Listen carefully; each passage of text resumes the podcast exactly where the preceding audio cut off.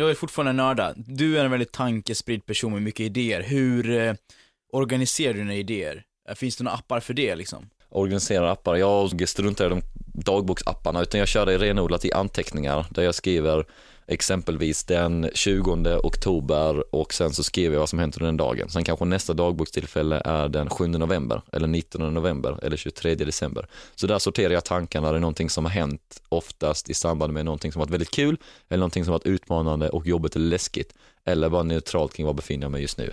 Så det är ett sätt att samla tankar på. Sen så har jag också en annan app, eller en annan app, en annan flik som heter citat och klokheter och det är när jag hör någonting väldigt såhär, fan det där var klokt, det där gillar jag.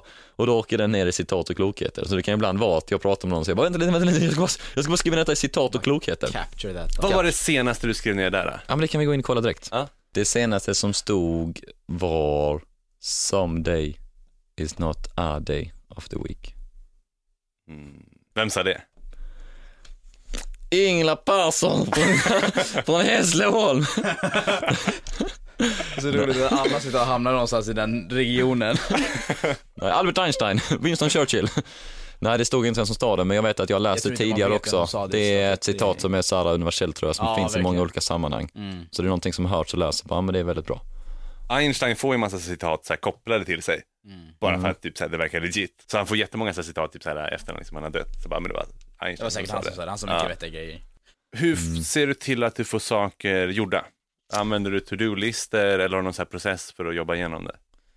Jag använder to-do-list. To-do-list, rätt upp och ner vad är det som behöver göras i form av olika projekt. Och mina projekt blir inte alltid så många, då det är oftast uppdelat i att förbereda inför uppdrag, det är att förbereda inför vart jag ska någonstans, hur jag tar mig dit, vad är det kunden och jag har kommit överens om, vilken målgrupp är det, att göra behovsanalysen, samla den informationen om själva kunden, platsen, dagen, vad ska skapas, förbereda inför det.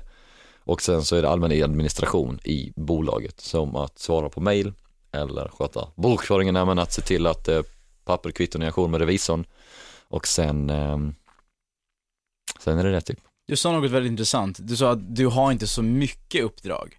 Och jag såg en video med dig, det var en sån här superklyschig video som jag tänkte att det här kommer jag få noll av. Men ja, shit vad jag tänkte på den när ett svårt sammanhang dök upp.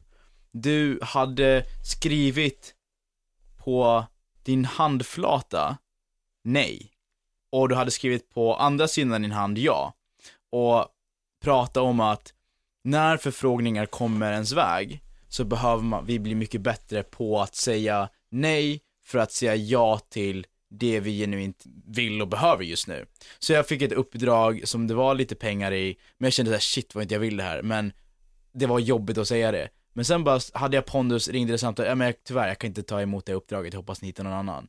Och det var fine för den personen, men det var ett tillfälle då jag tänkte på den här bilden som du hade skapat där jag sa ja till andra saker som jag vill göra. Hur blir man bättre på att säga nej?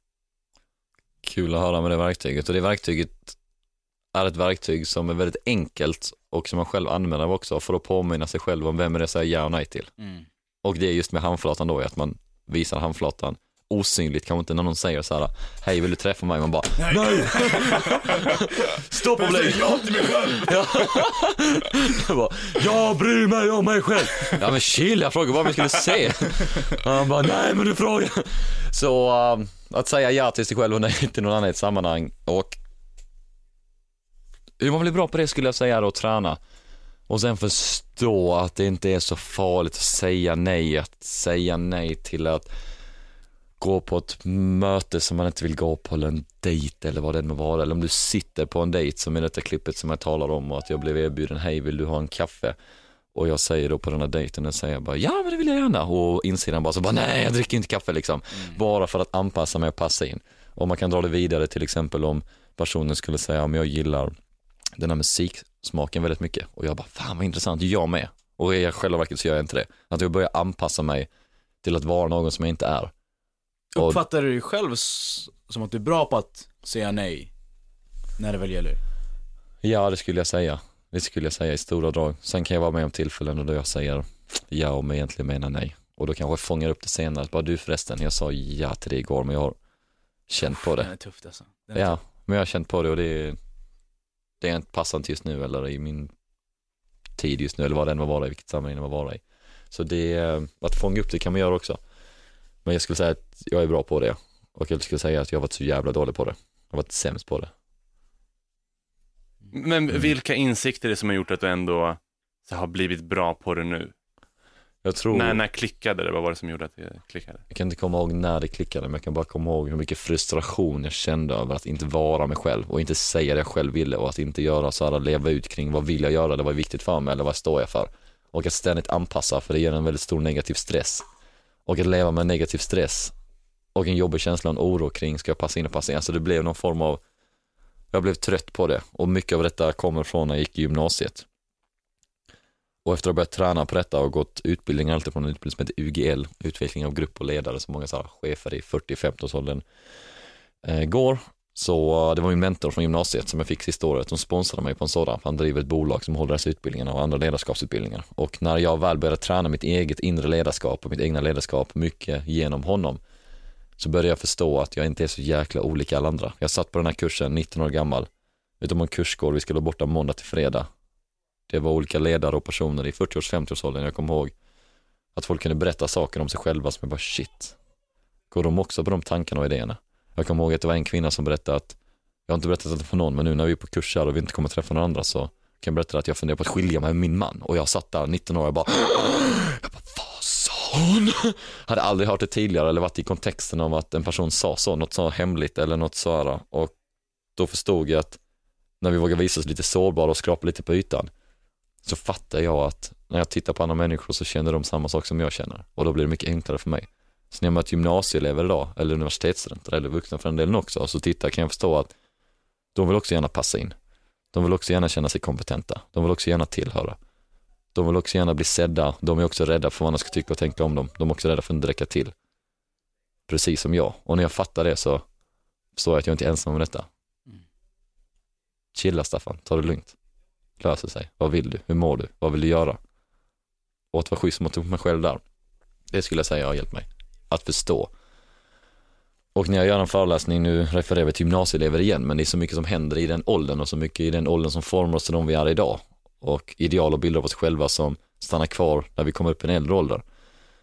Att när jag kan ibland göra en övning med ungdomar som sitter i publiken och jag säger nu vill jag att ni tar upp händerna i luften så här och ska göra någon form av interaktiv övning.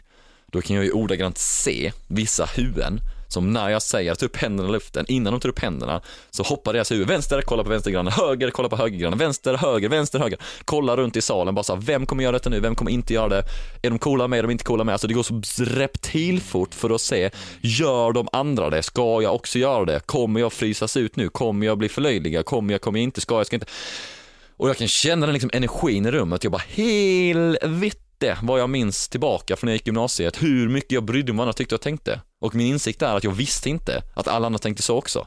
Jag gick inte min egna väg, jag var så sjukt påverkad av vad tycker alla andra om mig. Alltså jag levde i den bubblan, jag var fast i den bubblan. Och när jag bröt mig loss från den så fick jag en sån hunger av att I'm not going back there. Och när man fick en hunger, eller när jag fick en hunger av att jag ska inte tillbaka dit och jag började följa mina egna drömmar och mål, började skriva dream big i taket, sätta upp mål och inspiration och entreprenörskap och idéer.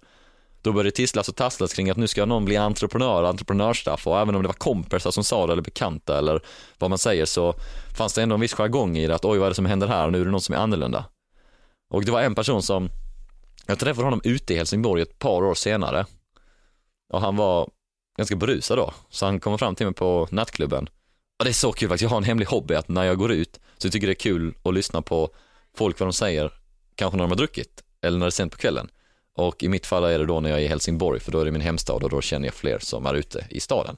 Och det var en person som kom fram till mig och sa, du Staffan, när du gick i gymnasiet så, så var vi några som så här äh, skrattade och så, att du hade så stora drömmar, du skulle bli entreprenör och så. Vi, vi skrattade lite åt det, men fan du har verkligen lyckats, du har lyckats med allt det du sa och du har lyckats med det redan nu. Jag kommer inte ens ihåg vad jag sagt, men han, han kom fram med det och då kommer jag ihåg att, då skrev jag ner mina anteckningar också.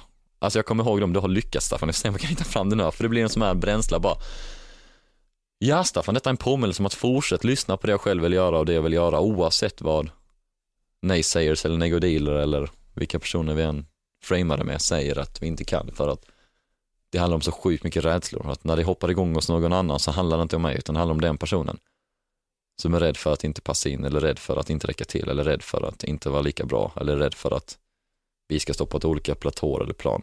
Men är vi egentligen fortfarande de samma som människor. Det är bara att vi gör olika saker. Det är viktigt för mig.